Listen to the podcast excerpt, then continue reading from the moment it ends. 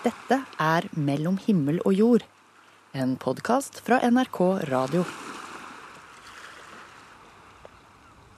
Altså Det var i 1987. Jeg gikk sammen med noen venner, noen eh, studenter. Og så var det plutselig en mann som sto der og stoppa oss og lurte på hvor nærmeste campingplass. Så kom jeg i snakk med han. Og sånn var det det begynte. da. Han begynte å snakke om det han skulle, og spurte, Jeg husker han spurte 'Are you happy?' Og vi liksom var det er nesten irriterende å få et sånt spørsmål. Jeg ble nesten irritert. Hvordan kan du spørre om det? Men den unge studenten klarer etter hvert å få fram et eh, slags svar. Ja, happy og happy. Ja, ganske happy. Er ikke helt happy, liksom, men eh, ganske happy. Et eller annet sånt. Noe midt imellom. Ja, ja, ja. 30 år har gått siden Ingrid Børth fikk det direkte spørsmålet om hun var glad av en ukjent mann på gata i Praha. Irritasjonen gikk etter hvert over til undring. For hvorfor kunne hun ikke svare et klart ja på at hun var fornøyd med livet? Altså Hele tida vi angrer på ting vi har gjort, og vi gruer oss til ting og bekymrer oss for ting. Og vi forbereder å bli lykkelig en eller annen gang i framtida. Altså alt vi gjør er for at den ene gangen, når alt er gjort og alt er perfekt, da skal vi være lykkelige.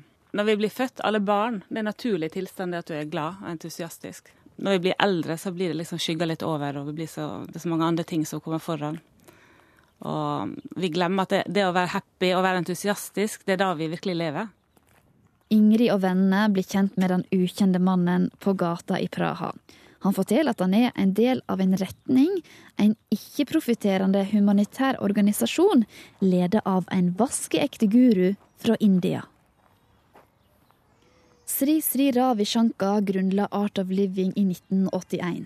Og filosofien hans eh, går i korte trekk ut på å skape en stressfri, voldsfri verden. Og for å nå dit, så må alle enkeltindivid kvitte seg med unødig stress og indre uro. Og først da så ser en de gode løsningene på problem som kan oppstå. Ingrid blir nysgjerrig når hun hører dette her, og før hun vet ordet av det, så står hun ansikt til ansikt med guruen på et kurs i Sveits. Ja, han, eh, han, går kledd i hvite klær. Så hvite, så indiske sånne, Ser ut som laken. Alltid hvite klær. Og så har han langt hår og skjegg. Svart hår og langt hår. Veldig unge, unge, hender og ung utstråling og veldig humoristisk. Meditasjon, pusteøvinger og yoga det er en del av disse her verktøyene eh, som den indiske guruen lærer Ingrid og de andre. Dette her er teknikker som han mener får vekk unødig stress og indre uro, og kan gjøre deg mer harmonisk og glad i hverdagen.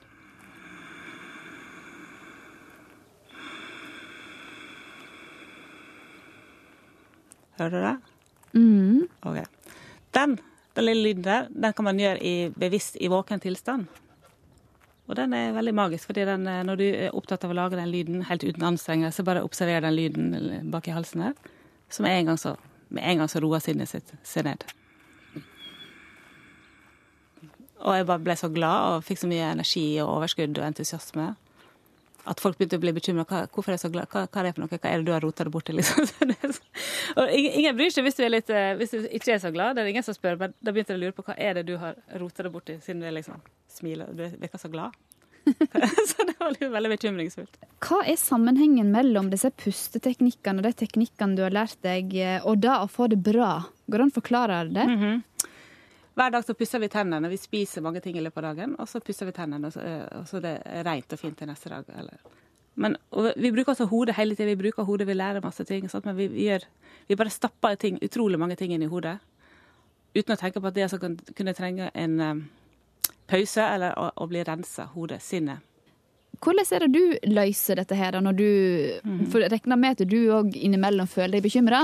Jo, ja. absolutt. absolutt. Og det, det som er at um, vi har aldri lært om disse tingene på skolen, men det er så utrolig viktig å vite dette. her, For uh, Jeg blir bekymra, og det er masse vanskelige ting jeg må takle, akkurat like mye som før.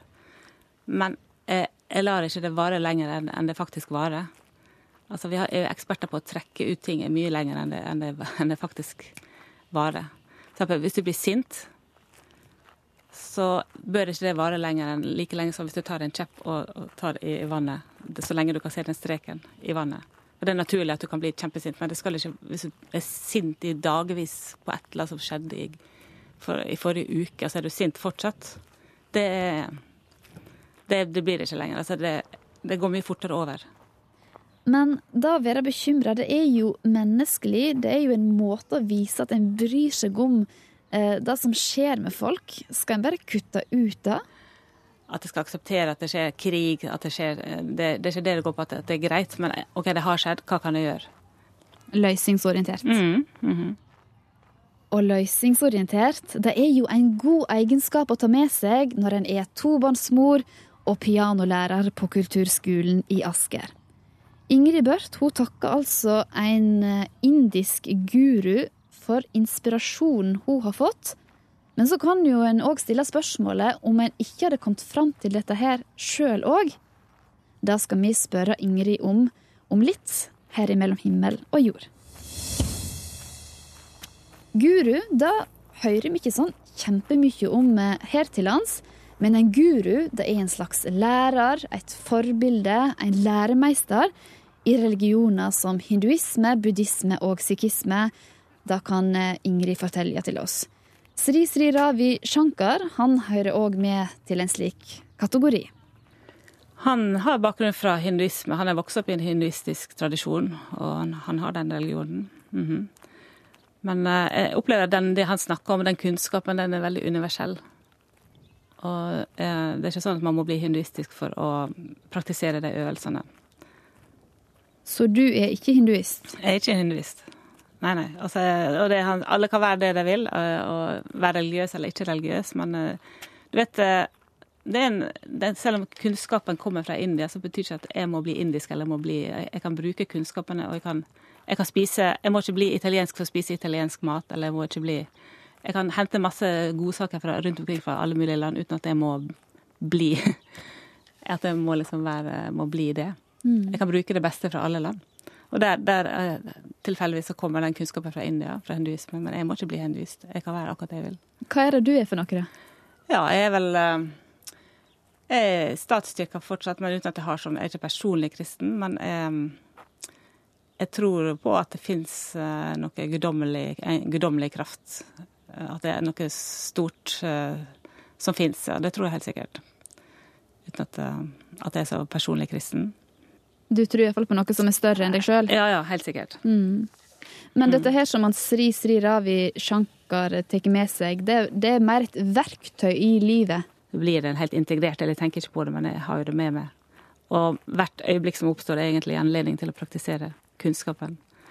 Så det skjer jo så mye hele tida i livet. Det er jo det, akkurat samme tinga skjer, men det er akkurat hvordan vi takler det. Sant? Jeg takler det nok på en helt annen måte nå, fordi jeg har lært disse tinga, enn jeg ville gjort det. Fordi han snakker om at det, tegnet på suksess, det er hvis du kan smile. Ikke miste smilet ditt. Og alle, det er lett å smile når alt går bra, det er ingen problem. Men kan du smile når alt går dårlig, og alt kollapser rundt deg, og alt er veldig vanskelig, og du, hvis du fortsatt kan eh, ha smilet og, og, og ikke miste evnen din til å, å deale med ting eller begynne, gjøre noe, da er det- det er virkelig et tegn på suksess. Men er ikke det å undertrykke følelsene sine òg? Hvis en faktisk er lei seg, så må jo en av og til grine. Eh, Ja, jo, selvfølgelig, og det er helt naturlig, og det skal man gjøre. Men eh, det er jo sånn det er det igjen at hvis du trekker det ut Hvis du lar det skje når det skjer, så er det absolutt viktig å la det skje. Men hvis du griner hvis du, etter det har skjedd, hvis du går og griner lenger enn nødvendig, så er det Da har du mista øyeblikket igjen. Da er ikke du til stede lenger. Hva betydning har Sri Sri Ravi Shankar for deg personlig? Eller hver gang jeg tenker på han, så smiler jeg på meg sjøl. Og i hele, hele systemet mitt smiler. For jeg blir, jeg blir glad av å tenke på. Og det er alltid utrolig inspirerende og oppløftende å være i, i nærheten og, og møte ham. Er han sånn som du egentlig har lyst til å være som menneske? Jeg vet ikke om jeg vil være akkurat en guru på den måten der, men eh, man blir vel på en måte påvirka i den retning når man tilbringer tid med han. Og liksom så glemmer man kanskje alle For vi bruker så mye tid på egen, ting som egentlig ikke er så utrolig viktig. Hvis du, hvis du tenker liksom Art of living er egentlig å huske, huske at du skal dø om kort tid. At du skal dø, det, liv, alle dør. Og hva vil vi bruke livet på? Er det liksom, skal vi gå i den lille bobla vår hele tida og alle de praktiske tingene, eller er det kanskje noe som er viktigere? Hva som er viktigst. Hva som er viktigst. Og da, det han gjør, da, han bruker tid på, på å se hva han kan bidra med, og, og hjelpe folk rundt seg. Sant? Og han sier jo det at vi Alle, alle talent vi har fått eh, Ingen talent er for oss sjøl, men alle talent er for at vi skal gi det videre. Hvis det er noe du er flink på, så er det fordi du skal gi det videre til andre. Så det er også en veldig befriende tanke å tenke at du er ikke her på jorda for å samle ting, eller at du skal ha noe for deg sjøl, men du er her bare for å se hva det er noe du kan bidra med. Og du, ingenting skal du beholde uansett, av, av ting. Er det mer verdier det går på? Verdier, ja. Mm. Menneskelige verdier. Det er det som er det viktigste, hvordan du forholder deg til andre folk. Sant? Det forholdet du har, og hva du kan bidra med. Hvorfor trenger du egentlig en guru? Kunne ikke en komme fram til alle disse tankene på egen hånd? Eh, jo, altså Jeg trenger jo egentlig Jeg trenger ikke en guru. Altså, Jeg har tenkt på mange ting sjøl, men det, det, går mye fortere med en guru. Når jeg traff han, så hadde han eh, han hadde, eh, Jeg fikk ta det der kurset der, som jeg kanskje hadde funnet på alle de tingene sjøl, men kanskje det hadde tatt meg mye lengre tid. Det gikk mye fortere. I løpet av ei helg så jeg lærte utrolig mye. Så jeg behøver ikke gjøre alle feilene sjøl. Hvis det er fint å gå til en lærer som har kanskje kommet litt lenger. Sant? Du, hvorfor skal du gå på skolen? Du kan sikkert lære mange ting sjøl, finne ut alle mulige ting, men kanskje de forskjellige lærerne, spesialistene, har kommet lenger og kan ta oss dit raskere.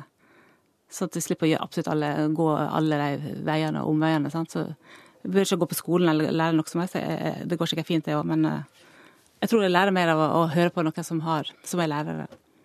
Ja, og I slutten av oktober så kommer denne guruen fra India på besøk til Norge og da gleder så klart tobarnsmor og pianolærer Ingrid Børt seg til. Jeg heter Ingeborg Mongstad Kvammen. Jeg er generalsekretær i Bibelselskapet. Jeg er kristen, og jeg tror på den treenige Gud. For meg betyr det at jeg har en um, himmel over livet mitt. Det er kanskje en litt sånn ullen måte å si det på, men uh, det betyr at jeg ber, det betyr at jeg eh, rent praktisk går i kirken. Eh, det betyr at jeg har noen å støtte meg til, eh, som er noen andre enn familie og venner. Og det gir meg mening i livet mitt her og nå. NRK P1 og så stiller vi spørsmålet om hvordan det egentlig er å ha et så stort talent og være så flink til noe at det gjør deg helt spesiell.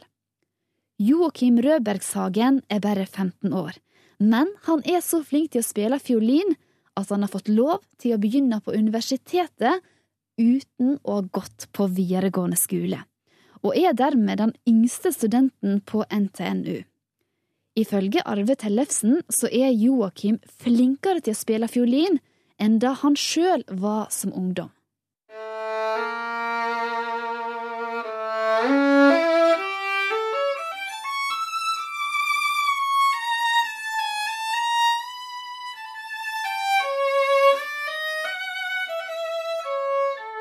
Sånn her høres det altså ut en helt vanlig formiddag hjemme i rekkehuset til familien Rødbergshagen på Tiller i Trondheim.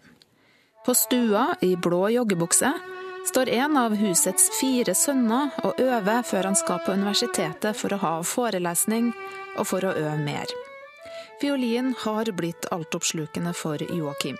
Det er jo ikke lenger en del av meg, for å si som det er jo meg. Det går jo ikke en dag uten at jeg kanskje ikke et minutt uten at jeg tenker på det. Tenker hva jeg skal øve på, hva jeg skal spille, hva jeg skal gjøre. Og jeg bruker stort sett hele dagen til, å, til noe musikkrelatert. Joakim spilte på en fiolin for første gang da han var sju år. Klassisk musikk har alltid fylt stua hjemme i Trondheim, men ingen av foreldrene spilte noe instrument selv. Joakim starta med fiolin fordi det ikke var plass i pianoklassen på kulturskolen, og han ble fort veldig god. Det var artig fordi jeg følte at det var endelig noe jeg fikk til. da. Hvorfor var det en god følelse? Jeg vet ikke hvorfor, men jeg tror nå at de fleste syns det er en god følelse å føle at de får til noe som krever litt arbeid.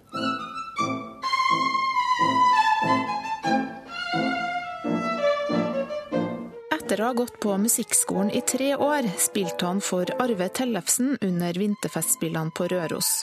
Mesterfiolinisten ble helt satt ut av å høre Joakim spille.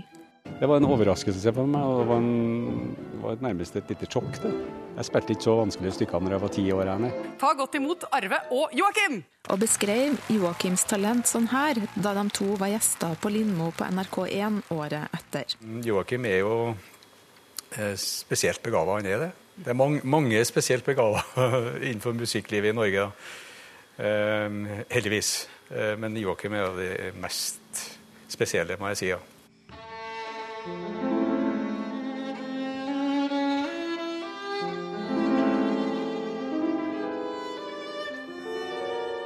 Siden har det gått bare én vei for Joakim. Som tolvåring åpna han Oslo Kammermusikkfestival, og i høst starta han altså på utøvende musikk ved NTNU. Men hvor kommer dette enorme musikktalentet fra? Jeg er ikke sikker, jeg. Men det jeg er sikker på, at det må jo komme fra en eller annen plass. Men jeg har tenkt at uansett hvor det kommer fra, eller hvem det kommer fra, eller eh, hva det kommer fra, så må jeg gjøre noe med det.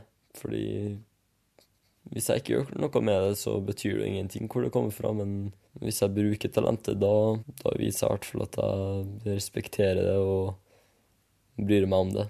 Tror du det er en slags gudegave? Ja, jeg tror det er noe gudegave. Jeg er jo kristen, da. Og så tenker jeg at uh, hvis jeg ikke har vært kristen, kanskje jeg hadde talent da, men kanskje fordi jeg er kristen, så har nå Gud gitt meg et litt større talent, eller hjulpet meg mer, da. Men det, det er også bare spekulasjoner. Det er også bare noe jeg tror, da. Det, jeg, jeg, vet ikke om det er sant eller ikke. Jeg velger nå å tro det, for uh, går ikke glipp av noe ved å tro det. Og det er jo litt mer spennende å tro noe sånt, da. Føler du deg utvalgt? Nei, jeg føler meg ikke utvalgt. Alle har forskjellige talenter, alle har forskjellige gaver, og alle gaver er jo viktige på en eller annen måte. Det, det er ikke viktigere å om man har en gave i fiolin enn om man har gave til å kjøre søppelbil. Har man en gave til noe, så bør man bruke det og bli god til det. Uansett hvilken gave det er. Hvis man gjør det, så, så gjør man det rette. Hvordan ligger du an med samfunnsfagsleksa? Pappa Dan Rødbergshagen må mase litt på Joakim, som nå skal ta videregående som privatist ved siden av universitetsstudiene i utøvende musikk. Likevel får sønnen akkurat samme behandling som de tre andre guttene hans på mellom 12 og 19 år. Hvor flink man er til ting, det er ikke så veldig viktig for meg, egentlig. Det viktige er at Joakim, som alle andre, får uh, et tilbud og, og, utfordringer som passer til seg. Så det som det er med alle her i livet, vi må ha sko som verken er for store eller, store eller for små. Da får vi gnagsår. Joakim pakker ut fiolinen i et lite øverom i lokalene til utøvende musikk ved NTNU i Olavshallen i Trondheim sentrum.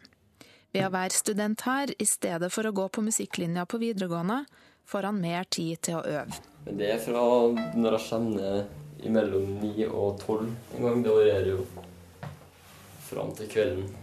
Enten når mamma og pappa ringer og sier at nå må jeg komme hjem, er middag. Eller til jeg blir sliten for at jeg er nødt til å ha en pause.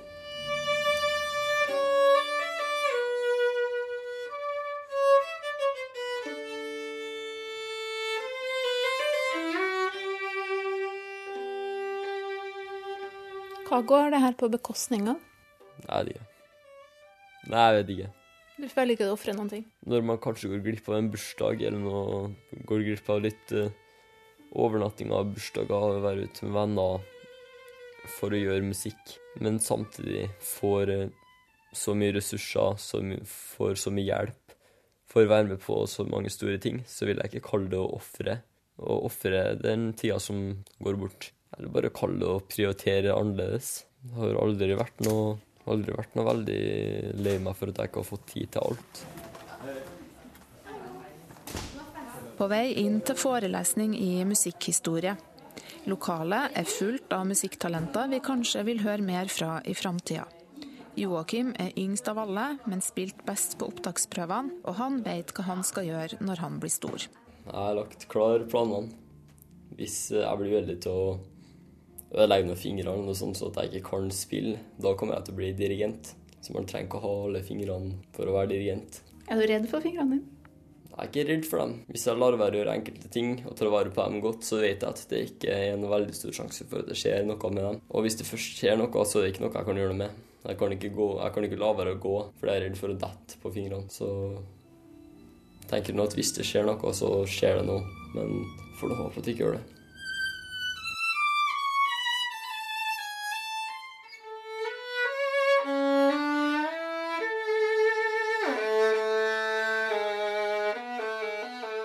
Reporter i innslaget var Lise Sørensen.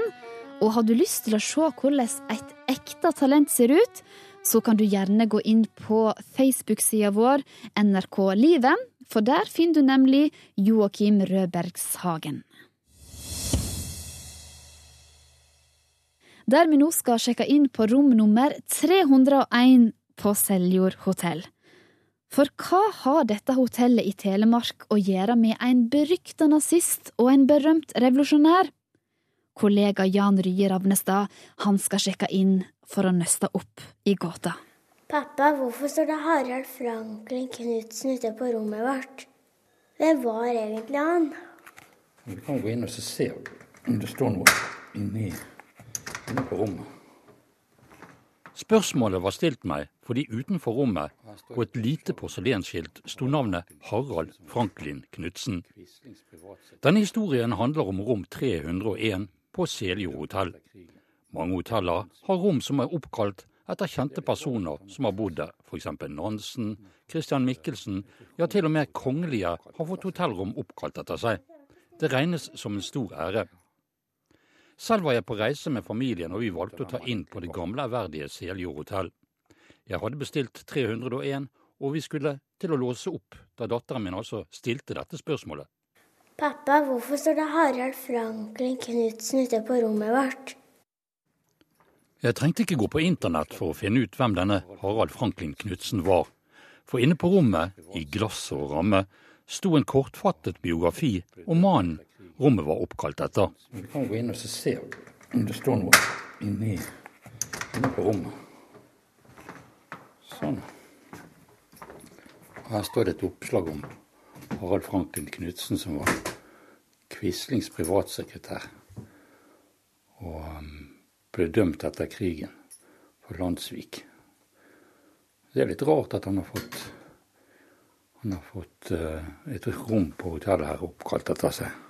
Tilbød den tyske regjering, den norske regjering, sin fredelige hjelp, ledsaget av en høytidelig forsikring om å respektere vår nasjonale selvstendighet og norsk liv og eiendom.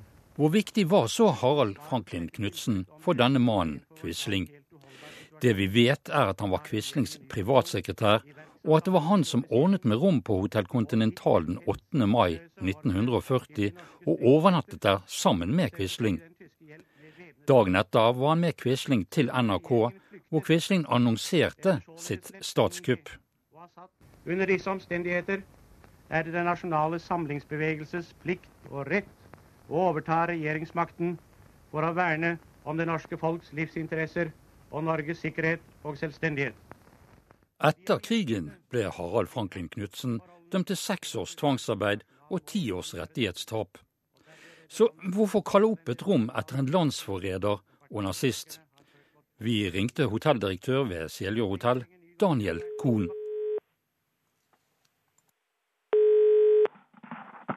Ja, det er Daniel Cohen, Seljord hotell. Ja, hei. Um, hvorfor har dere valgt å kalle opp et uh, rom etter en uh, nazist og, og landsfreder? Det, det, har jo litt med historien til uh, hotellet som vi syns er viktig å ta ivareta, på en måte. De har vært gjest, gjest her på hotellet under flukten til Trotskij på 30-tallet. Så når han rømte gjennom Norge her, så forfulgte jo han Harald Franklin Trotskij gjennom. Og da overnatta de samtidig her på Seljer hotell, og det syns vi er veldig både artig og litt sånn for det lille hotellet er sånn, å ha noen sånne navn som har vært her. Den er jo veldig, den står beskrevet i boken hans også, den, 'Jeg var Quislings sekretær', om flukten han hadde gjennom gjennom Telemark og den natta de tilbrangte her på Seljer hotell og spiste frokost sammen med, ved, i spisesalen her og litt sånn. Det, dette var vel etter at de hadde gjort innbruddet i Trotskij sitt hjem, og hvor de da skulle forfølge han eh, Han skulle vel på hytta i Kristiansand, står det beskrevet. Så tok han inn på hotellet under navnet Leo Sedoff med kone. Her sånn. Og da måtte de forfølge den for å ha kontroll på den, vel. Er det andre som har reagert på, på dette enn meg? Ikke reagert i den forstand, men de har vært veldig nysgjerrig på eh, historien bak det. Bl.a. med både Harald Franklin sitt rom og også med Leo Trotskij sitt rom. Men da, når de har fått fortalt, eh, fortalt sammenhengen med det, da, med reisen gjennom her og litt sånn, så syns hun er veldig interessant og litt uh, veldig interessant. Og da ønsker vi å spille litt på den historien, uh, liksom. Og kunne ha den uh, tilgjengelig for gjester. og sånn, den På rommet ditt skulle, på, på rommet deres så skulle det vært Vi driver og lager til noen større plakat med en ordentlig historie om hvorfor, så man kjenner til det. Så gjestene kan lese om dette. Er du redd for at et sånt rom eh, kan tiltrekke seg uønskede gjester, f.eks. nynazister osv.? Nei, de vil han ikke tro at det skulle være så veldig, veldig, veldig fare. Det skulle man være så oppi det, så får det heller være. Men det, det, tror jeg ikke skal være noe veldig stort problem i hele tatt, nei. Og vår mann på rom nummer 301, da var Jan Rye Ravnestad. Og vil du med egne øyne se bilder fra hotellet, så kan du gå inn på våre nettsider nrk.no telemark.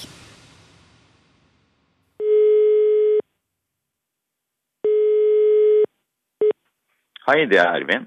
Ja, hei, det er Camilla som ringer fra mellom himmel og jord. Hei. Hei sann, er det Ervin Kohn i Det mosaiske trossamfunn? Ja, det er det. Du, kan jeg låne deg noen minutter? Kom igjen.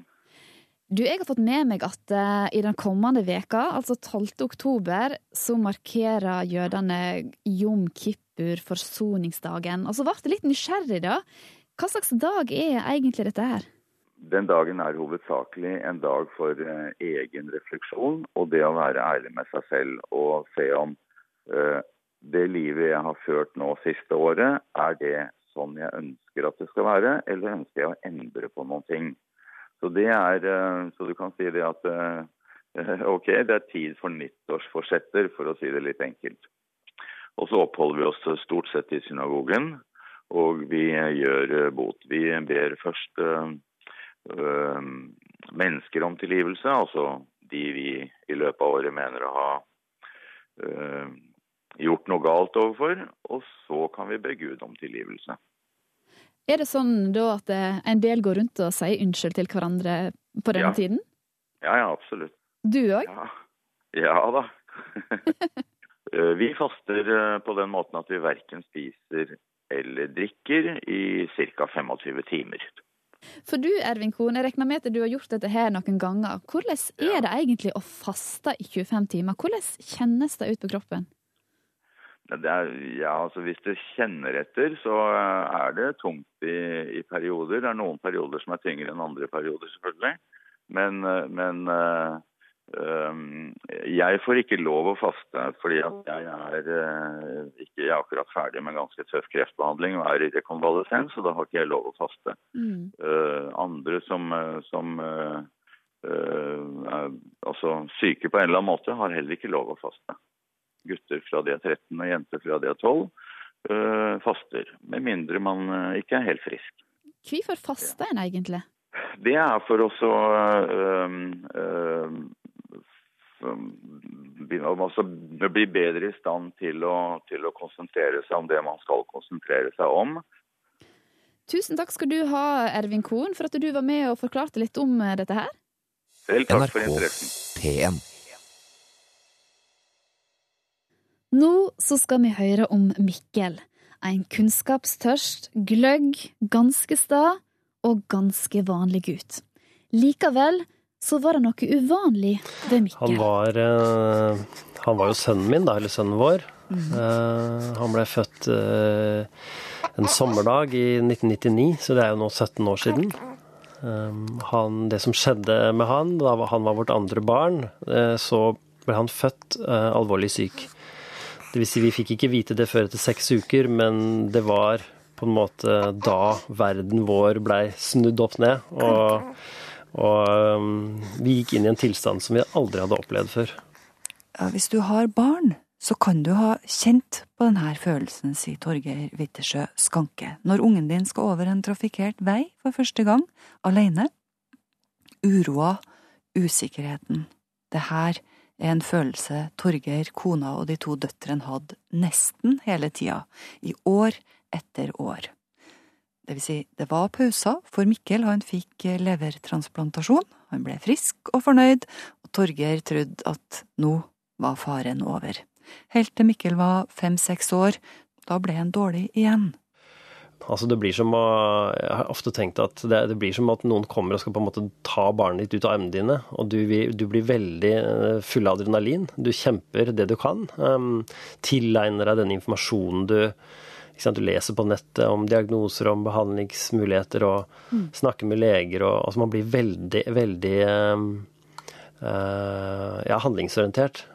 Så jeg hadde, i tillegg til at eh, jeg opplevde jo en eksistensiell krise sjøl man, man spør seg veldig om sitt eget liv, fordi at man er så involvert i dette som skjer med barnet sitt. Da. Hva spør du deg om da? Jeg, si? jeg eh, spurte meg sjøl ganske tidlig om, om meninga med det. Meninga med livet, meninga med mitt liv. Eh, hvordan jeg kunne håndtere det, hvordan jeg kunne innrette livet mitt eh, best mulig eh, og ha det best mulig sjøl. Så jeg, jeg, tenkte veldig mye både på e-, eget liv og på Mikkels liv. Ja, Litt sånn hva er meninga med hans liv og sånn òg, eller? Ja, det også tenkte jeg på. Kom du fram til noe svar, da? Nei. og, akkurat det er veldig En ting jeg er opptatt av, det at det fins nå beveger du oss inn på et område som på en måte er litt, litt uh, filosofisk, kanskje. Det, det liker vi. ja, det er bra. Og det er, det er, jo det jeg opplever at i dag så er det veldig mange mennesker som har svar. Det har det kanskje alltid vært, men altså alt fra selvfølgelig religiøse retninger, men også til de, de litt mer nyere sånn motivatorer og coacher og selvhjelpere. og Det, det, finnes, det utgis masse bøker, og det, det, sies masse der jeg opplever at eh, folk har på en måte et fasitsvar på mange ting. Mm. Og det, i en virkelig krise, så, så, er vel kanskje det man kjenner sterkest på at det, man føler ikke at det finnes noen svar. Torgeir er desperat. Han begynner å leite etter svar.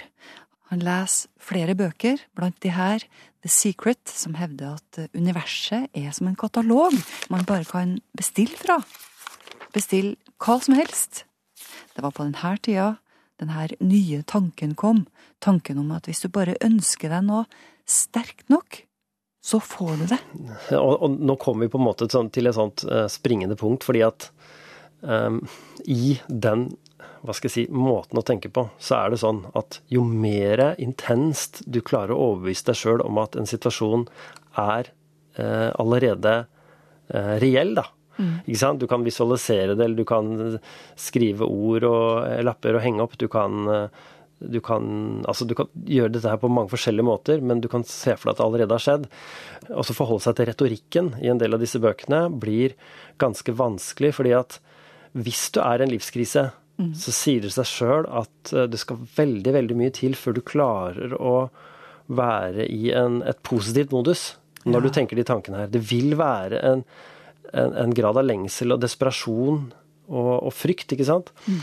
Og det som du fort kommer til da, er at du får en tanke om at ja, men jeg er ikke god nok. Klarer jeg dette godt nok? Mm. Altså, i Retorikken i The Secret det er sånn at du, den, den, krever alt av deg. på en måte. Du, du må være fullstendig overbevist om at dette går bra. Mm. Og den sier også eksplisitt at hvis ikke du greier det, så er det din egen skyld. Det står svart på hvitt i The Secret, og det er klart at det, det er veldig fort at sånne utsagn som det skaper ulykke hos de som Og på en måte en følelse av dobbelt nederlag. Ja. Hvis, da, hvis, det da ikke går bra, og jeg vet jo veldig godt hva det vil si når ting ikke går bra, mm. um, og jeg har lest andres historier om det også, uh, det tror jeg er så viktig at dette kommer fram. Men følte du noe skyld sjøl, eller? Var du inne på den Um, tanken at du ikke Ja, jeg gjorde det. I starten, da Mikkel eh, Da han blei veldig syk igjen, og jeg skjønte at dette kommer ikke til å gå bra, så fikk jo jeg disse tankene. Ja, men jeg var ikke flink nok. Jeg var ikke takknemlig nok. Jeg tenkte ikke positivt nok. Jeg var ikke god nok i, i måten å gjøre det på. Så det var på en måte jeg, jeg var jo ikke overbevist om at det var min skyld, men jeg tenkte at eh, jeg fikk en veldig nedtur. For jeg tenkte at uh, jeg, Selvfølgelig så mista jeg jo trua på, på den, den måten å tenke på. Uh, men også følte jeg også en irritasjon over at, uh, at her trengs det en motvekt, og her trengs det rom for at For livet er jo ikke bare, bare oppturer. Livet er også nedturer, og det trengs også å fortelle historiene om de som ikke lykkes, og at det er greit. Verdien din som menneske er ikke avhengig av hva du presterer, men, den, men som bare den du er. Det er jeg opptatt av.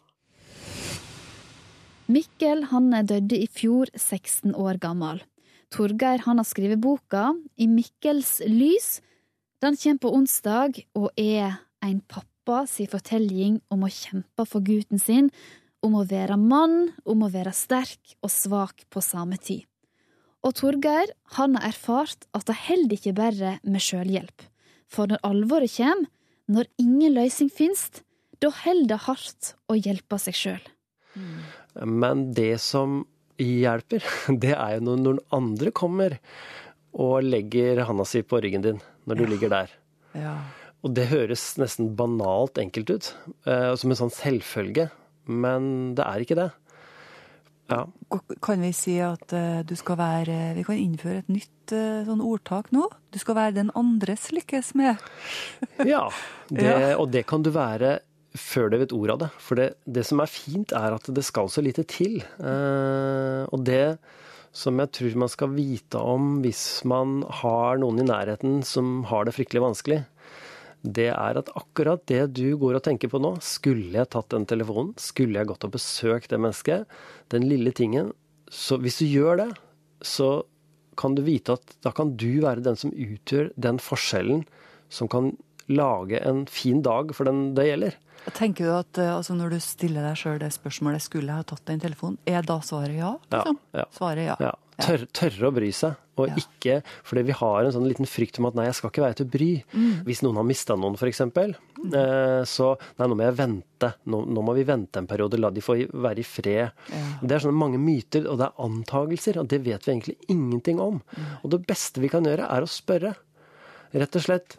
Ta den telefonen og du, vet du hva, nå vet jeg, nå er det gått bare to dager siden du mista mannen din, f.eks. Men kan jeg få lov til å komme bort en tur med en liten ting til deg, f.eks.? Og i verste fall, hvis vedkommende ikke orker det, så klarer de fleste å si det at vet du hva, nå er jeg så sliten, eller nå har jeg det så tungt at det var kjempehyggelig av deg, men kan du komme litt seinere, f.eks.? Mm. Og vit at du ikke du har gjort noe skade da. Du har, du har spurt, og vedkommende vet at den er tenkt på. Mm. Og akkurat den følelsen der at OK, det er noen som bryr seg om meg, den er med på å, hva skal jeg si, gi akkurat den gode følelsen, eller en, en flik av en god følelse som du trenger når du har det vanskelig. Kan ikke du fortelle om en gang du opplevde noe sånt? da? Jo, jeg skal fortelle litt med vilje en veldig liten hendelse. Mm. Som eh, er eh, Jeg blir rørt når jeg tenker på det. Eh, Det var jo da, etter at Mikkel døde eh, i fjor, så var det sånn at eh, altså I løpet av Mikkels liv da, så, så valgte jeg og mammaen til Mikkel å flytte fra hverandre. Sånn at, eh, så vi var ikke gift lenger. Jeg bodde, hadde flytta i et lite hus, pleier å si at det er mitt lille rødhus på landet. Eh, Det ligger litt, litt i, i skaukanten, da. Um, og der var det ikke så mange mennesker som, som dukka opp. Uh, verken når Mikkel levde eller etter at han døde. Uh, etter begravelsen, og det var kort tid etterpå, Mm. så ringte det på døra. Det var flere som ringte på døra da, men det var på en måte et menneske som jeg kanskje ikke hadde regna med at det kom dit. Eh, hun sto på trappa med en, en vase med blomster. Uh, og var så veldig forfjamsa ut og usikker. Ja, jeg, jeg visste ikke helt hva jeg skulle gjøre, eller altså veldig famlende. Men uh, i hennes, hvis jeg kan se det fra hennes perspektiv, så hadde hun på en måte trådt over en uh, hva skal jeg si, terskel for seg sjøl. Men for meg så var hun da kan du tenke deg, hun var kanskje den eneste den dagen som kom og ringte på døra mi. Mm. Hun var ikke det mennesket som sto nærmest meg, men likevel så gjorde hun det. Og den følelsen eh, som jeg fikk da, altså hvor mye det, det lille, den lille handlinga Hun torde å bry seg, hun torde å gjøre det. Den eh, betydde enormt for meg der og da. Og det, og det var et eksempel som man kan også tenke at ja, men det her er en selvfølge, men det er ikke det. Men eh, vi må jo få høre Torgeir Wittersjø Skanke. Eh, nå har det gått to somre siden Mikkel døde, har ikke det? Eh, jo, det er jo et, ja, et drøyt år siden, da, så det er jo den første sommeren etterpå, Mm. på en måte. Hvordan er dagene dine nå? Eh, ja, da, da er det et spørsmål som er vanskelig å svare på. Fordi at uh, i- Det er klart, jeg har jo hatt uh, en, en, en veldig, veldig krevende livssituasjon Mm. som Og etter at vi mista Mikkel, som det har gått veldig opp og ned. Sorg har ikke noe sånn fastlagt mønster. Mm. Og det, vært periode, det har vært nedturer, og det har vært eh, perioder som er bedre. Og jeg Det at jeg har, jeg har valgt å på en måte legge engasjementet mitt i eh, Jeg er jo nå ferdig med en bok Mm. om eh, livet til Mikkel, som heter I Mikkels lys.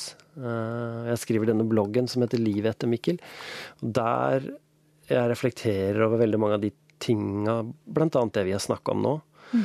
som gir meg veldig mening. Og det gjør at jeg lever på en måte veldig tett på eh, sorgen som, eh, som alltid vil være der, da. Mm. Men som også gjør at jeg Det er på en måte mitt svar til meg sjøl. Det er at jeg, hvis jeg føler at noe er meningsfullt, så gjør jeg det. Og det som jeg føler ikke er meningsfullt, det lar jeg være å gjøre. Eh, og da får jeg det bedre med meg sjøl. Ja. Kan jeg spørre så freidig som Er det noe lettelse i det? Ja, det er en, en viss form for lettelse. Og samtidig som jeg tenker at den sorgen skal også få lov til å være der parallelt. At man kan både ha det fint og trist innimellom Mm. parallelt. Livet mitt skal få lov til å være oppturer og nedturer, og det kan være bra nok. Hør flere podkaster på nrk.no podkast.